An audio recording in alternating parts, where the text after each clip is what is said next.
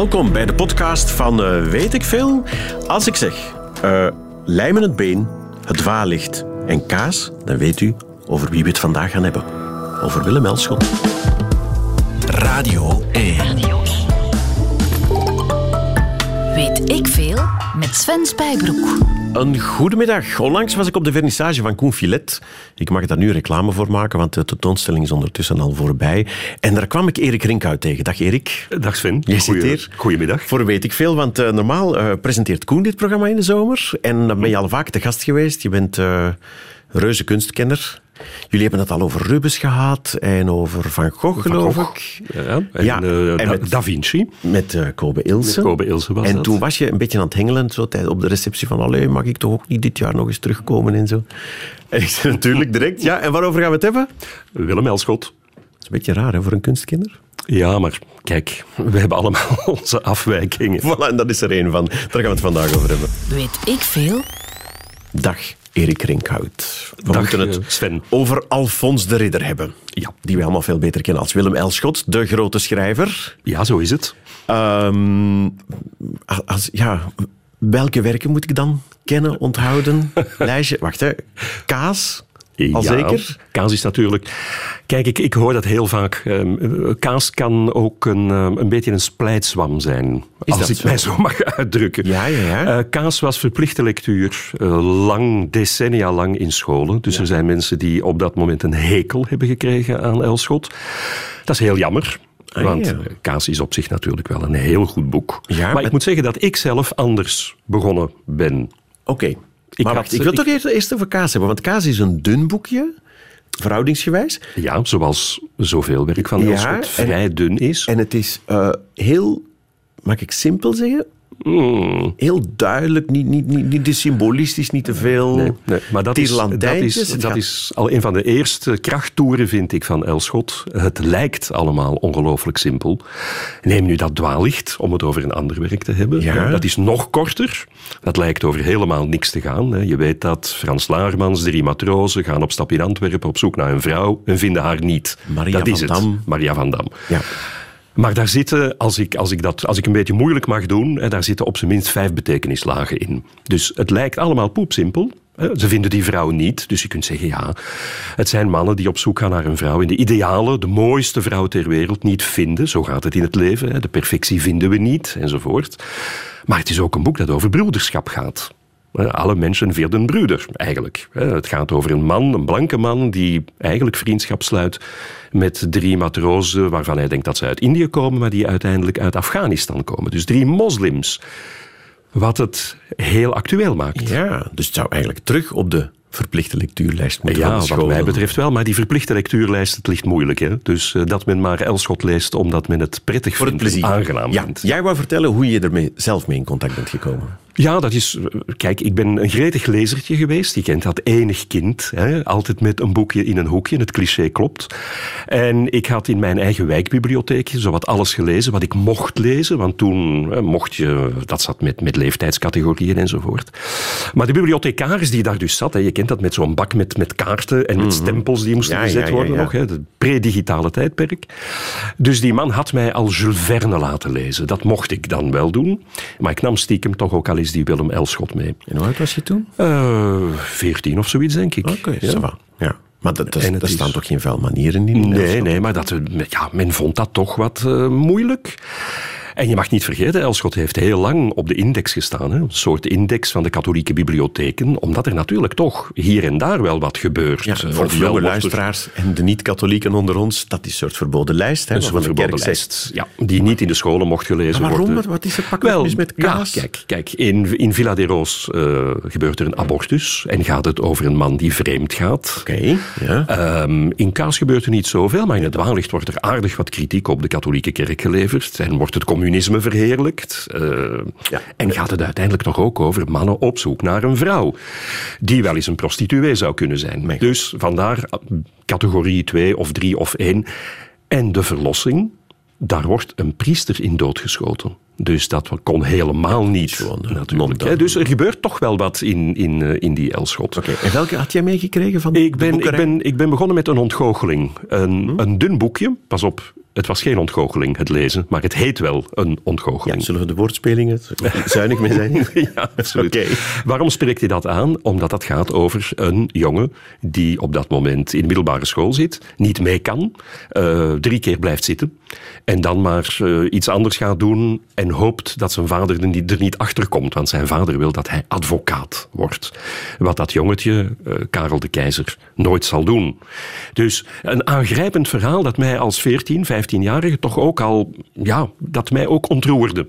Ja. En toen dacht ik, godverdomme, die Elschot. En ik dacht dat hij trouwens een Nederlander was. Want wie heet nu Willem Elschot? Dus ik wist helemaal niet dat hij een Belg of een Antwerpenaar was. En dan ben ik met Villa de Roos begonnen. En dat vond ik een fantastisch boek. Van de eerste pagina lig je eigenlijk krom van het lachen. Ja. Maar goed, nu weet ik dat dat ironie is. Maar dat wist ik op, op mijn 15 Toen heb je er gewoon mee gelachen. ja, Willem Elschot, hij heet Alfons de Ridder. Ja. Die Elschot, waar, waar, heeft hij dat vandaan? Wel, um, Willem heeft hij vandaan omdat, in tegenstelling tot een van de grote mythes, dat hij niet las. Klopt niet, hij las heel veel. En een van zijn grote favorieten was de Vos Reinaard. De Vos Reinaard die ook al zijn sporen uitwist en die ook graag ironisch en sarcastisch doet enzovoort en mensen voor schut zet, mm -hmm. is geschreven door Willem. Een zekere Willem. Willem dus. die Madok maakte. Absoluut. Heb ik ooit wel eens ah. gelezen. En Madok is dan een soort roman ja. die zou geschreven hebben, maar die hebben ze nooit maar die hebben nooit teruggevonden. Nee, voilà. nee. Maar die Willem zou dus ook de Vos Reinaarden geschreven mm -hmm. hebben, dus dat vond hij al toepasselijk. En Elschot is een verwijzing naar zijn moeder en de afkomst van zijn moeder, die uit Westerlo kwam. En in de buurt van Westerlo is er een wijk, of een, een bos, dat het Helschot heet. En hij heeft zijn jeugd daar doorgebracht. Hij, heeft, hij is daar gaan studeren ook, om in alle rust en kalmte buiten de stad te gaan studeren, bij de familie van zijn moeder. En de moeder speelt bij Elschot een zeer grote rol. Ja, dus want... Willem. Elschot. Willem Elschot, vandaar. Voilà, vandaar. Ja, zullen we het al over de moeder hebben? Of? Dat mag. Hij heeft veel moedergedichten geschreven. Ja. En hij vindt dat hij zijn moeder eigenlijk onheus bejegend heeft. En dus een van die prachtige gedichten heet Spijt. Mm -hmm. En daar blikt hij eigenlijk terug op uh, ja, zijn onheuse behandeling. Het feit dat hij zijn moeder onvoldoende aanbeden heeft. Dat is het eigenlijk. Ja, we hebben een fragmentje gevonden uit, uit het nieuws op het moment dat hij overleden is. En dat laatste stukje horen uit die Spijt. Willem Elschot ontviel ons. Hier draagt hij voor uit eigen werk. Maar de jaren zijn verstreken en de kansen zijn verkeken. Moest die kist weer open gaan, geen stuk vlees zat er nog aan. Priesters salven en beloven, maar ik kan het niet geloven. Nee, er is geen wenden aan. Als we dood zijn, is het gedaan. Ja, gedaan. Wat helpt mijn klagen, wat mijn roepen, wat mijn vragen, wat ik bulder, wat ik zweer, Decho zendt mij alles weer. Dat is de stem van Willem Elschot zelf. Ja, de stem van Elschot. Licht, lichtjes gedragen. Ja. Um, met een ja, lichtjes Antwerps accent. Hij kan dat niet wegstoppen, hoewel hij lang in Nederland gewoond heeft. Ja. Maar... Heb je gehoord wat er mis was met het fragment? Nee, ja, er ontbreekt een stuk. Ja, goed zo, goed zo. Je bent een echte Elschot-kenner. En kan je het ook uit het hoofd? Dat laatste vers staat er niet aan. Het laatste vers is moeilijk. Uh, aanbid het wijf dat moeder heet. Of ja, ja, ja. ja. Hij, Gij die later wordt geboren, wil naar wijze woorden horen. Pak die beide handen beet, dien het wijf dat moeder heet. Ja, en hij heeft daar zo lang over getwijfeld. Moet dat erbij, moet dat er niet bij? Soms, uh, bij sommige publicaties, uitgaven van zijn verzen, stond het er wel bij, dan weer niet. En nu is er afgeknipt of heeft hij ja, het niet voorgelezen? Eigenlijk is dat, een soort, variant op, uh, hoe gaat het ook alweer? Het mooiste woord in ieders uh, mond ja, de wereld rond is moeder. Is moeder hè? Ja, ja, voilà. Hij hield dus van zijn moeder. Hij hield van zijn moeder. En dat wijf, dat heeft mensen ook op het verkeerde been gezet. Maar dat is, dat is toch het gewone... Dat is een ouder woord natuurlijk, zoals in Elschot vaak wat oudere woorden voorkomen. Dat is onvermijdelijk. Maar hij bedoelt gewoon een fors wijf. Ja, een vrouw uit één stuk. Ja. En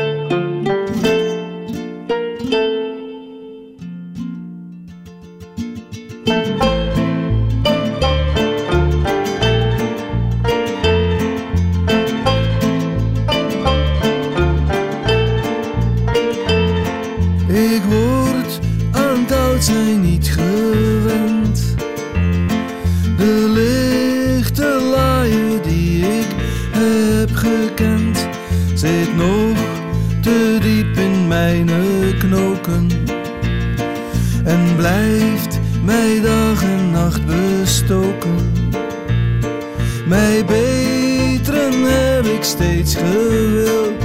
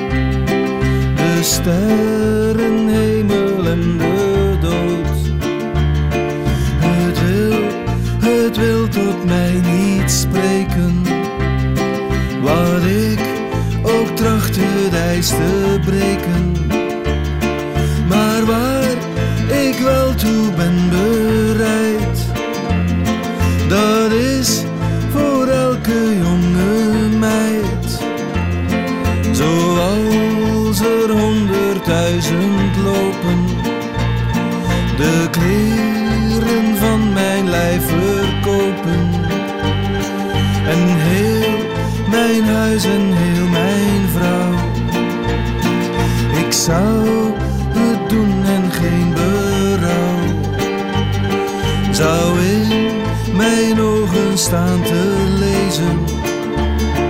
En het zou nochtans een misdaad wezen. Wanneer ik langs de huizen trek loert men mij na als ware ik gek. Alsof mijn plannen en mijn zonden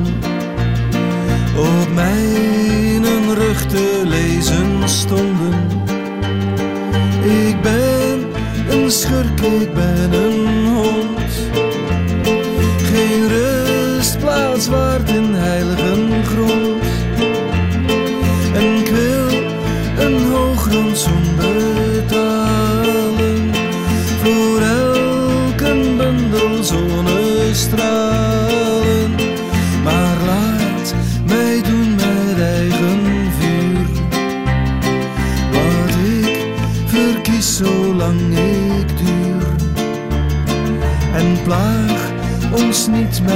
armen stakker. En Satan lief mijn laatste makker.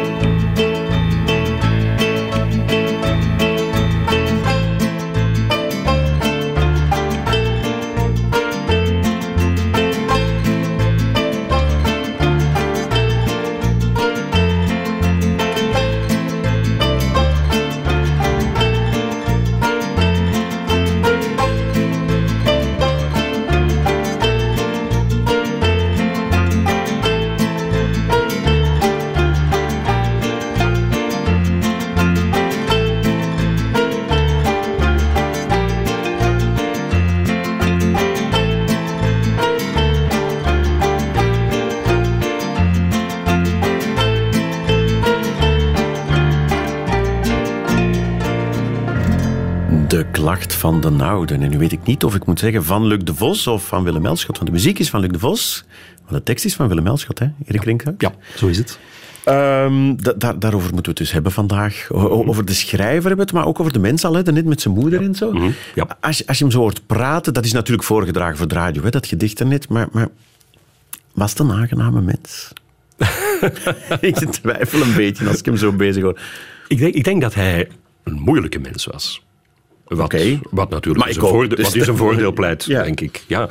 Nee, je, eh, kijk, eh, ik, ik heb hem natuurlijk niet zelf gekend. Ah nee, hij is in, in 60 gestorven. Hij is in van 1882 was hij. Ja. hij is dus 78 geworden. Ehm, die- we, hebben, we hebben veel informatie van kinderen en kleinkinderen. hè. En ik heb eh, het geluk nog gehad van heel vaak met Ida, Ida de Ridder, te kunnen praten. Zijn jongste dochter, die eh, een jaar of negen geleden overleden is, op hoge leeftijd. Ja. Ehm, heeft zelf trouwens heel veel over vader en moeder geschreven. Heeft een heel mooi boek over haar moeder ook geschreven, waarvan wie zij vond dat zij veel te veel in de schaduw van haar vader Willem Elschot stond. Maar dus Ida vertelde onder andere dat, uh, dat hij uh, heel onhebbelijk kon zijn, moeilijk in de communicatie, uh, heel afgesloten ook was. de moeder zei dan altijd, hij is weer aan het schrijven. Hij, er is weer geen land mee te bezeilen. Ja. Hij is weer volop bezig aan het schrijven. laten. Maar dus wat, wat Ida ook nog vertelde, bijvoorbeeld als hij met een schoolrapport naar huis kwam, dan bekeek hij dat zo eens en gooide het rapport terug en zei, het is weer niet goed hè. Dat soort dingen. Ja, dus, dat, dat, is niet goed, hè? Nee, dat is niet goed. En hij heeft dat, denk ik, hij wist dat ook, denk ik. En daarom dat spijt zo vaak terugkomt in zijn werk en in zijn gedichten. En ik denk dat hij dat niet alleen therapeutisch, therapeutisch in zijn schrijverij heeft goed proberen te trekken. Maar dat hij dat ook goed heeft proberen te maken tegenover zijn kleinkinderen. En als je ziet hoe hij met zijn kleinkinderen omging, uh, dat is, de, oudste is Jan Maniewski, Chip, leeft nog altijd. De tweede ja. oudste was Willem Dolfijn, dus een paar jaar geleden helaas overleden. En dan hoorde je hoe charmant en speels hij kon zijn met die kinderen. En ook dat vind je in het werk weer terug. Het ah ja, einde dus hij, was, hij was een, een, leuke papa, maar... Nee, Nee, nee, geen leuke papa, maar wel een leuke opa. Leuke opa, zoals het ook vaak gaat de- bij meerdere mensen. Ik kan niet uit ervaring spreken. Zeg, Nee, maar, ik ook niet, maar... eh, Chip, zeg je, eh, dat is een boek van hem, hè? ja, Over dus... Enfin, indirect... Indirect gaat het, gaat het over dat eh, kleinkind. De geboorte van het kleinkind is heel belangrijk, maar het gaat, over, het gaat eigenlijk over het nest dat leeg wordt. Het is een, eh, een, een dochter. eh, Elschot had in het echte leven, dus Alfons de Ridder had in het echte Mhm. leven zes kinderen. Drie jongens, drie meisjes.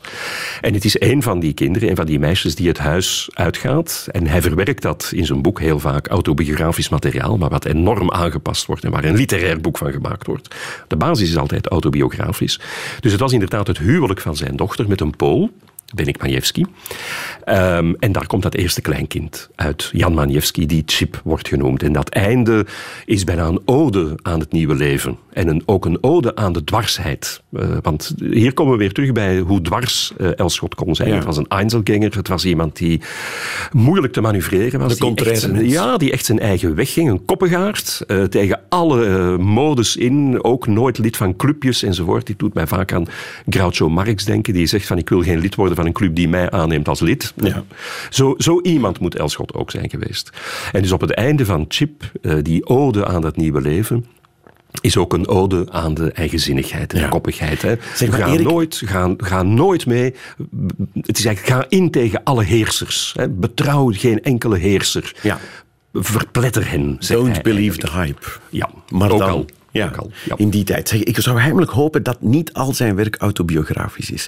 Want als je daarnet zei dat ik het gevoel heb van Elschot, het moet ook een beetje een moeilijke mens geweest zijn, dan komt dat door het huwelijk. Ja. Het, het beroemde, beruchte gedicht, het huwelijk. Ehm, zal ik het eerst laten horen? ja, dat is goed. Ik ben er altijd een beetje bang voor. Het is echt bloedstollend. Hè? Het is bloedstollend. Ja. het huwelijk. Toen hij bespeurde hoe de nevel van de tijd in de ogen van zijn vrouw door vonken uit kwam doven, haar wangen had verweerd, haar voorhoofd had doorkloven. Toen wendde hij zich af en vrat zich op van spijt. Hij vloekte en ging tekeer en trok zich bij de baard en mat haar met een blik, maar kon niet meer begeren. Hij zag de grootste zonde in duivelsplicht verkeren en hoe zij tot hem opkeek als een stervend paard. Maar sterven deed zij niet. Al zoog zijn helse mond het merg uit haar gebeente dat haar toch bleef dragen. Zij dorst niet spreken meer, niet vragen of niet klagen, en rilde waar zij stond, maar leefde en bleef gezond. Hij dacht, ik sla haar dood en steek het huis in brand. Ik moet de schimmel van mijn stramme voeten wassen en rennen door het vuur en door het water plassen tot bij een ander lief in enig ander land. Maar doodslaan deed hij niet, want tussen droom en daad staan wetten in de weg en praktische bezwaren. En ook weemoedigheid, die niemand kan verklaren en die des avonds komt wanneer men slapen gaat. Zo gingen jaren heen. De kinderen werden groot en zagen dat de man die zij hun vader heetten, bewegingloos en zwijgend bij het vuur gezeten, een God vergeten en vervaarlijke aanblik bood. Erik Krinkhout, zeg alsjeblieft dat het niet autobiografisch is. Het is niet autobiografisch. Godzijdank. Had hij een gelukkig huwelijk? Ehm, ook daar ja en nee. Mag ik even nog iets over dat huwelijk zeggen? Het is trouwens prachtig voorgelezen door Jan de Kleef. Ja, goed, hè. Het is schitterend. En je moet het toch maar kunnen. Eh Elschot is toch een van de weinige schrijvers eh, uit wiens oeuvre, of uit wier oeuvre moet ik dan zeggen, hè, ehm, een, een, een, een standaard uitdrukking gekomen is. Je hebt bij Van Koten, een. Van Koten en de Bie heb je dat ook, hè, de krasse knarren en zo. Hè. Maar bij hem is dat tussen droom en daad staan wetten in de weg en praktische bezwaren. Dus het is een, het is een standaard uitdrukking in het Nederlands Ja, ja, ja. Het, het klinkt bijna als Shakespeare, hè? Eh, ja. Zo goed is het. Ja, maar kijk, nu zeg je wat.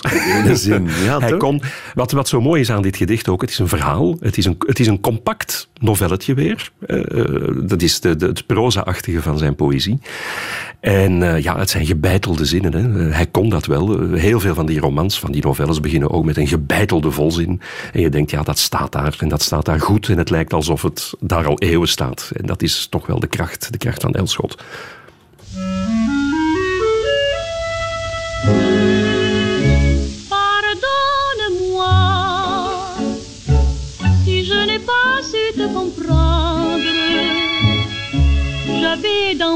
Pourtant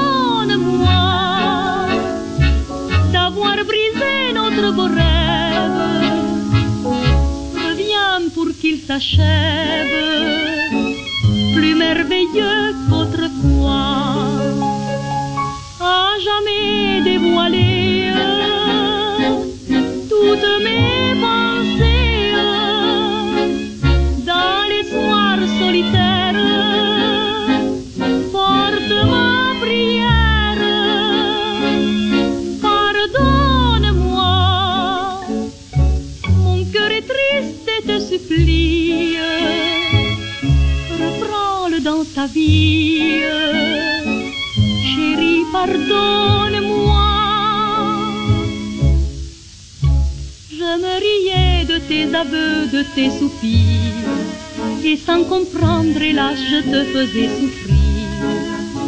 L'amour qui vibrait dans ton cœur sincère, je l'ai lassé sans chercher à lui plaire. J'ai bien pleuré depuis le soir de l'abandon. Toutes mes larmes n'ont pas trouvé ton pardon. Mais laisse-moi dire encore je t'aime. Pardonne ma folie extrême. Pardonne-moi si je n'ai pas su te comprendre. J'avais dans mon cœur tendre pourtant beaucoup d'amour pour toi.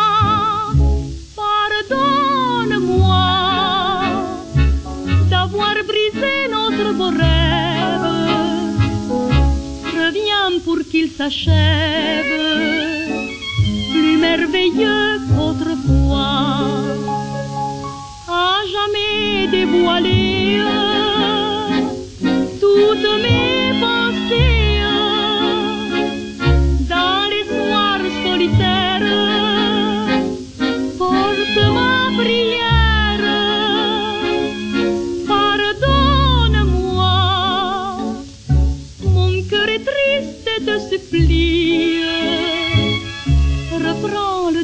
Vie. Chérie, pardonne-moi.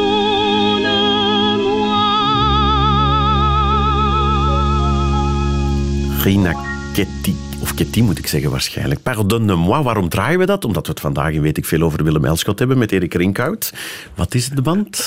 De band, de band is dat eh, hij van mooie vrouwen hield. En ook naar een optreden van Rina Ketty was gaan kijken. Net zoals hij ook van Edith Piaf hield.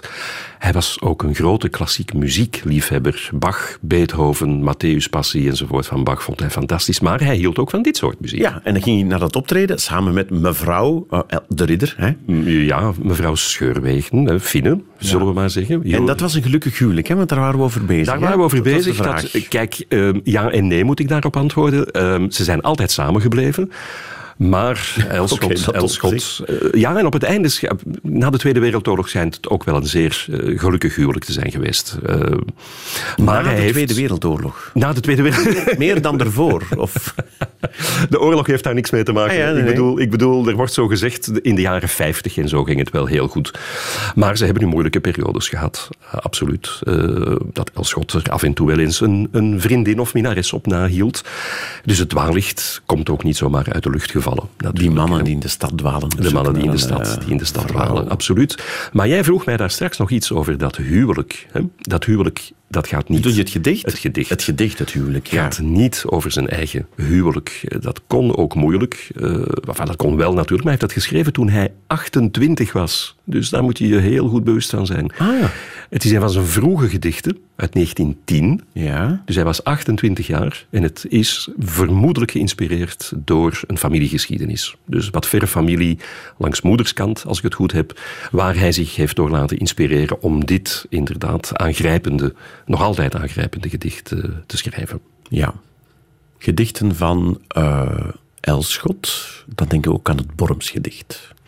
Wil je het daar graag over hebben of liever niet? Ik wil het daar uiteraard over hebben. Oké, je moet het even situeren. Uh, ja, Borms, is, August Borms? Ja, het is, je moet het in verschillende opzichten situeren. Dus Borms is inderdaad uh, flamingant, uh, die zowel tijdens de Eerste als tijdens de Tweede Wereldoorlog in de fout gaat. Collaboreert. Collaboreert. In de Eerste Wereldoorlog activist is om op die manier de Rijksuniversiteit Gent te vernederlandsen.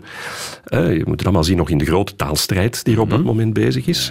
bedenk ook dat dat Vlaanderen een grotendeels tweetalig, Franstalig land nog altijd is. Enfin, land, als ik mij dat zo mag uitdrukken, landsgedeelte is. Ja.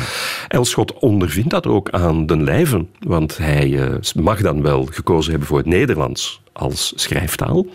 Wat zelfs niet heel evident was, want er zijn heel veel generatiegenoten en tijdgenoten die het Frans hebben uh, genomen als literaire taal. Maar uh, zijn handelscorrespondentie, want in het gewone leven was hij een reclameman. Zijn handelscorrespondentie is nagenoeg integraal in het Frans. Ah ja, omdat de bank, mensen met geld... Het bankwezen, de industrie enzovoort was volkomen verfranst. Nu Borms, dus taalstrijd. Borms maakt de keuze, de verkeerde keuze achteraf bekijken, de foute keuze, om te gaan collaboreren met de Duitsers, met de nazi's in de Tweede Wereldoorlog. Activisme in de Eerste Wereldoorlog wordt twee keer veroordeeld. Borms is een groot symbool tijdens de twee wereldoorlogen. In het interbellum zit hij in de gevangenis, ter dood veroordeeld, maar wordt, kun je je voorstellen, vanuit uh, de gevangenis uh, politiek verkozen. Ja. En wordt vervolgens vrijgelaten. Wint de verkiezingen. Wint de verkiezingen. Ja. Tijdens het interbellum. Maar dus tijdens de Tweede Wereldoorlog kiest hij opnieuw uh, om te collaboreren met de nazi-bezetter. Um, wordt opnieuw veroordeeld en wordt gefusilleerd. Kort na de Tweede Wereldoorlog. Elschot schrijft een gedicht. Borms dat begint met: Ik heb u niet gekend, dierbare vriend of zoiets. Ik heb u niet -hmm. gekend. Um, en toch schrijft hij dat gedicht. Um, hoe moeten we dat nu plaatsen? He, want... He, dus het is een gedicht waarin hij het opneemt, ja. een soort eerbetoon. Of, of... Voor het idealisme van Borns. Ja. ja. Um, hij heeft zich daar eigenlijk nooit achteraf over uitgesproken, maar Elschot dan. Hè? Mm -hmm. um, maar dat heeft hem veel vrienden gekost uh, na de Tweede Wereldoorlog, omdat men niet begreep wat Elschot deed. Maar ik denk dat je het in, in de hele context moet zien. Ik denk dat Elschot zich um, zo um, geprofileerd had Door bijvoorbeeld tijdens het interpellum een gedicht over Van der Lubbe te schrijven. Van der Lubbe is eh, gearresteerd en ook omgebracht, ter dood veroordeeld door de nazi's, omdat hij zogezegd de Rijksdag in brand heeft gestoken. Ja. Dus daar neemt Elschot zeer duidelijk positie in tegen de nazi's op dat moment. Tijdens de Tweede Wereldoorlog schrijft hij een gedicht voor de zoon van John Willems, die op dat moment verdwenen is, een verzetstrijder. En na de Tweede Wereldoorlog schrijft hij Dwaallicht, waarin hij heel duidelijk het voor het communisme opneemt. Dus die man dacht, ik kan mij dit permitteren om Borms te schrijven. Ja. En, en eigenlijk te zeggen, is het niet schandalig dat men deze man, die op dat moment een kreupele oude man was, om die gewoon te fusilleren. Dat is het hele discussiepunt. hè. Sommigen zeggen, ja, manier het moet humaner zijn of je, je bent tegen de doodstraf. Anderen zeggen, nee, nee, het is toch een vorm van, van Ja. collaboratie of Ja. sympathie daarvoor. Maar als je het gedicht goed leest, hij verschoont Borms niet voor zijn collaboratie. Hij zegt niet, oh ja, het was goed wat die man gedaan heeft. Nee, als je het gedicht heel goed leest, en ik denk dat het gedicht vaak verkeerd gelezen is, als je het heel goed leest, zie je dat Elschot eigenlijk iedereen een schop onder de kont geeft. De kerk, de machthebbers, en zegt van, ja, ja, en als hij dood is, dan gaat hij weer een symbool worden. En gaan ze, gaan ze allemaal zo, oh ja, we hebben het niet geweten, enzovoort, enzovoort. Dus hij is opnieuw die dwarsige, koppige man die tegen de schenen van het establishment schopt. Ja. Je zei daarnet, hij heeft er, hij heeft er bij leven niks van gezegd. En ik had ergens iets opgepikt, maar ik ben zo dom geweest om mijn bron niet te noteren. Wat het in een gesprek over literaire onderwerpen zeer, zeer dom is. Eh, maar, maar er werd beweerd dat Elschot eh, aan het eind van zijn leven zei dat hij over twee dingen trots was. En één daarvan was dat Borms gedicht. Omdat hij daardoor zoveel vrienden had verloren. Ja, ja Dat past wel bij zijn karakter. dat past bij zijn karakter. Ik zeg het nog eens, dwarsig. Eh, hij is van, van jongs af aan ook een soort anarchist geweest, hè, on, ongrijpbaar. Eh, en je moet, dat, je moet dat ook allemaal in de context zien. Hij, hij, hij, is, hij zegt, doet graag dat soort uitspraken. Maar anderzijds merk je dat hij zijn gedichten toch weer afsluit in zijn verzameld werk met het Bormsgedicht. Ja. Dus hij blijft daar achter staan. Weet je wat het andere is waar hij trots op was? Ja, Schelen van der Linden. Ja. Ik heb het daar net bij Evert er al even over gehad. Schelen van der Linden, we kennen dat van de Strangers. Ja. De, de, de, eh, behalve de titel Mhm. Is niet de rest van de tekst, of van de originele Schelen van der Linden, is van Elschot. Het, het studentenlied. Is Het studentenlied. Ja, maar we weten natuurlijk ook niet hoeveel coupletten hij juist schreef. Het is, eh, maar enfin, of schreef of, of debiteerde. Maar eh, ja, hij was heel actief in de ja, studentenbeweging. jij, lees jij een paar eh, versen vooruit? Ken je ze uit het hoofd? Ken ze niet uit het hoofd. Eh, enfin, hoe begint dat? Als de schelen van der Linde zat in moeders buik, dan speelde hij met zijn vaders fluit. Eh, blablabla, dat gaat dan zo door. Hè. Zijn kloten waren zo vreselijk heet. Hij maakte er zijn eten op gereed. En, en, eh, enfin, eh, hij poept God en de duivel en zo was het na zijn dood. En alle wijven van heel de wereld en zo. En zo gaat het maar door. het is hem ten voeten uit. Hè? Hoezo? Het is, het is echt wel heel goor. Hè? Maar dit- wat is dit? Het is een soort studentenzonde. Ja, studentenzonde. Maar niet eh, echt, want hij was er wel trots op, omdat het is blijven leven. Het wordt nog altijd. Het wordt altijd, altijd Studenten gezongen, en er gezongen. wordt op, er wordt op voortgebouwd, eh, geparafraseerd. Ja, ja, iedereen mag zelf Aanvullen. het in nog- het zakje. de- Sorry voor de Ja, woordspeling. Hè. Het nog goorder maken dan het al is. Ja, je, je kent dat gedicht toch ook? Ik heb, ik heb in mijn jeugd gezopen als een beest. Hè, dat is ook een van zijn gedichten. Dat is ook duidelijk de Vos op muziek. Eh, absoluut. ja. Dus eh, hij, heeft, eh, hij was ook lid, om het nu even over die studententijd te hebben. Hij was in, op dat moment lid van De Kapel. En De Kapel was een soort anarchistische vereniging in Antwerpen. waar er ernstige lezingen werden gehouden, maar waar ook met de Bohemiens, waar hij toe ook, waartoe hij ook behoorde. Men ging dan uitstappen doen. Men ging natuurlijk de, de, de oude haven onveilig maken. En men ging daar veel drinken. En men ging ook eh, Zeeuws-Vlaanderen in met, met de boot. En men ging dan een paar weken door de Zeeuwse wateren, of over de Zeeuwse wateren, eh, varen. En dat was een deel van dat bohemien-achtige leven op dat moment, En waar hij deel van uitmaakte. en Absoluut. zingen. Drinken en zingen. Baarden, pijpen, lange haren eh, en, studenten, en studentenpetten. Those were the days. Absoluut.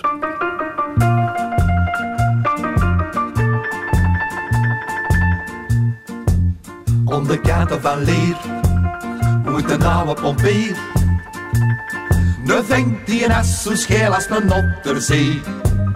Maar dan was hij die bang, vroeger jaren per tang. Bij ieder vrouw de super favoriet. Want hij is zich gerust, heel wat mokkes gekust. En dat is het geren dat was een fout. Hij is nooit niet getrouwd, want dat was fout. De durfstil in zijn glorentijd. En krijgen ze hem in de mop. Repeterie laksop. Hier de schelen van de linde. Van heel de stad, de grootste schat, de meest beminde.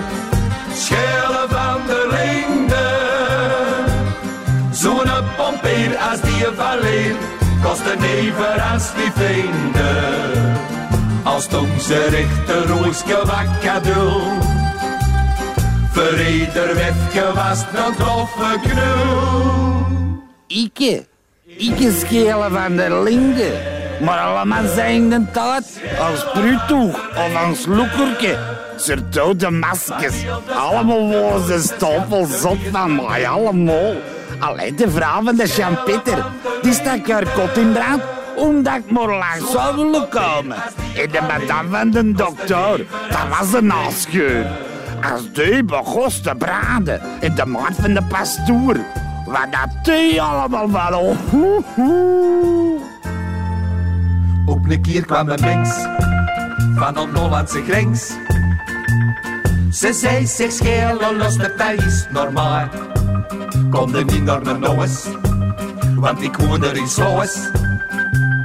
En heb er wel een seksboutique op draai. En de schelen dacht op. En toen zei hem, och ja. Een seksboutique kan nog zo slecht niet zijn. En er was winkelier, dat zo goed als pompier. En hij vertrok toen met de eerste trein. Hij dacht naar zijn bon, ik zit daar om de bron.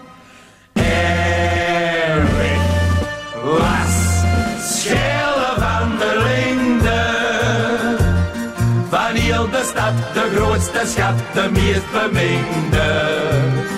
Schelen als die van leer, kost een never als die vinden. Als toen ze rechter roosje wakkadul. Verreder wefke was een toffe knul. Zie, als ik erom denk, van toen ik in die traan zat, toch te kal. Zou ze niet daar dan te laaien? En weet je wat ik achteraf in Sloos heb horen vertellen? Dat de vrouw van de Jean-Pieter nog dat ze liep voor de school naar verbrand kot. En de madame van de dokter, Thea Scheur, als ze naar een klooster was getrokken nog het luddevende. En de maat van de pastoor liet maar mislezen omdat ik zou terugkomen, de sloer. Na verloop van een tijd kreeg een dikke man spaat. En wou hem terug zijn jobbeke van pompeer. Van die winkels met seks had hem toch zo complex. Zodanig dat hem er een doel van weer. En hij zei dat is te stom, kom ik ik verom. Want ging daarachter kent maar nog iedereen. En ik heb zo gedacht dat ik daar verwacht. Maar toen man kwam, stond hem er alleen. En toen ik daar stilletjes en alleen aan de stoelsen stond, hoorde ik ineens, ah wel, je dat me doorremmen? En daar stond de Jean-Pieter en de pastoor en meneer dokter. En de Jean-Pieter die zei, miljarden. Hij van mij dat weet dat je weer terug ziet, stikt ze van hier ons kot in brand. En de dokter zei, en hij van mij het weet, gooit ze in klooster haar kap overdag. En de pastoor zei, hij het precies al geroken. En zie er komt ze af, zie eens wie is allemaal bij. Paula en Rosa en Emily en Angel, Louise en B van Trash van Nimmeraas. En Zeze van de bakker is er ook bij. Oh, die dikke van de bierhouwer. Het is niet waar, hè. Die allemaal vermaken we die allemaal zien. Oh, en dan nog de... Wefke was het een toffe krul. Eer hij de schellen van de linde. Van heel de stad, de grootste schat, de meest beminde. Schelen van der Linden van de Stranges, speciaal om Erik Rinkhout een plezier te doen. Ja, dank u wel ook. Ja, maar het origineel was dus een studentenlied, gelijknamig, maar geschreven door eh, eh, Absalon met de korte haren. Ja, dus het was het... eh, nog maar eens een pseudoniem van, Willem van Elschot. Willem Elschot. Weet ik veel? wij hebben het over eh, Willem Elschot, de zakenman. Daar hebben we het nog niet over gehad, hè? Nee.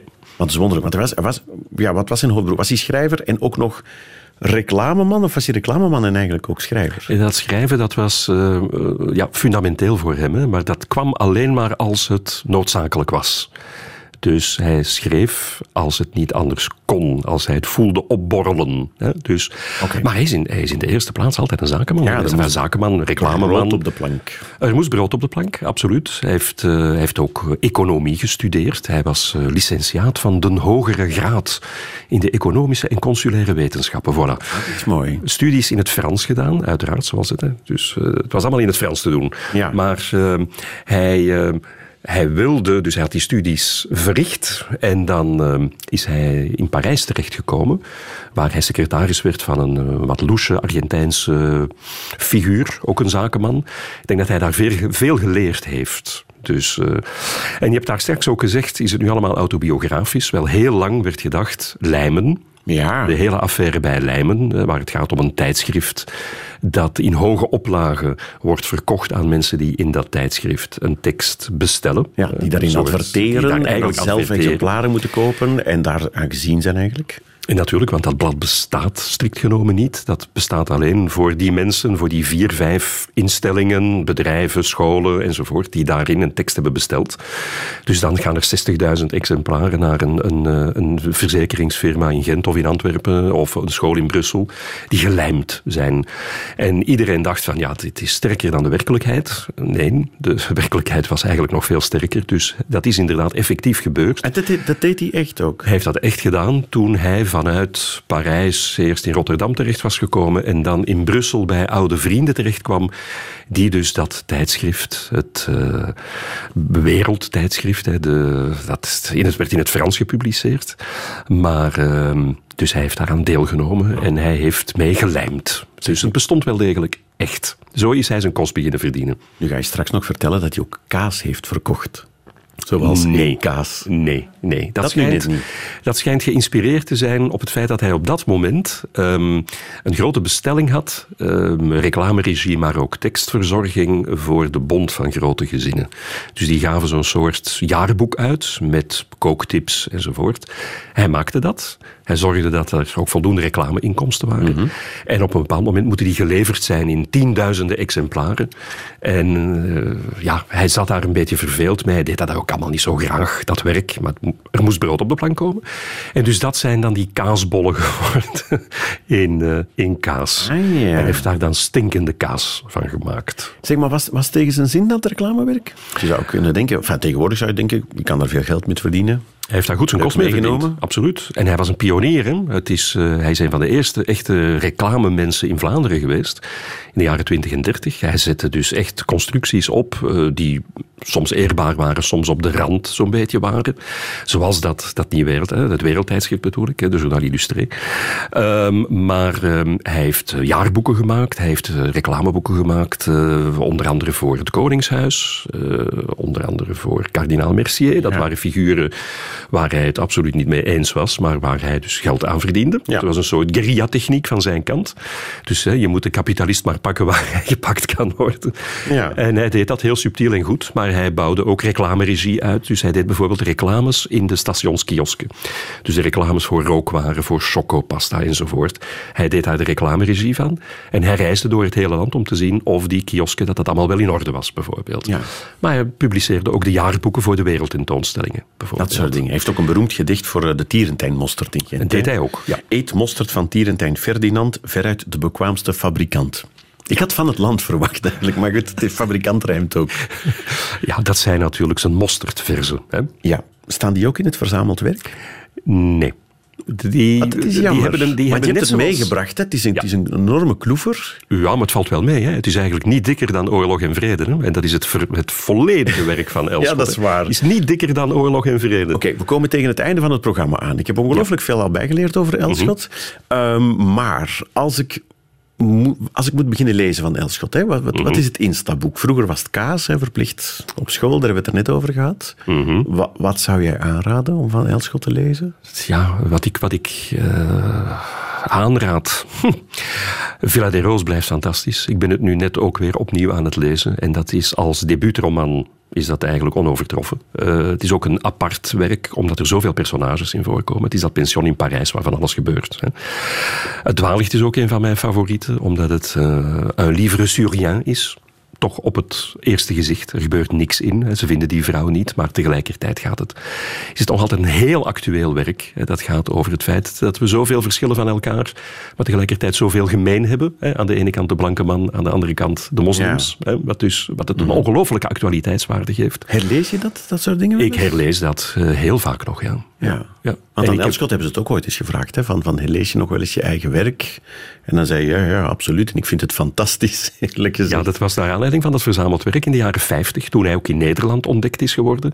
Carmichelt was een van zijn grote Ja, propagandisten. En hij heeft toen, eh, hij heeft toen een soort eh, literaire tournees avant la lettre gegeven in Nederland, waar hij voorlas uit zijn werk enzovoort. En waar er interviews waren in groot warenhuizen, onder andere in Nederland, Amsterdam, Rotterdam. Hij deed daar literaire tournees, dus dat was, ook daar was hij een pio- een Ja, dat pionier. is toch weer de commerçant Ja, en de schrijver in één en dezelfde persoon. En Sven, het allerleukste is eigenlijk, ah, het is ook een beetje triestig, maar de laatste dag van zijn leven, want hij is op straat in Antwerpen ineengezakt op een bepaald moment, aan de hand van zijn echtgenote trouwens. hè. Hij is naar huis gebracht en is overleden op de sofa. Maar die laatste dag, heel kort, hij heeft een brief geschreven aan Simon Carmichelt en hij heeft een zakelijke brief geschreven van iemand die hem nog geld schuldig was. Beide tot op het einde. Tot op het einde. Prachtige verhalen. Erik Rinkhuit, dank je wel. Met plezier. Radio 1. Weet ik veel? Dit was Weet ik Veel, de podcast. Een aflevering tussen de vele. Je vindt ze allemaal terug op radio1.be.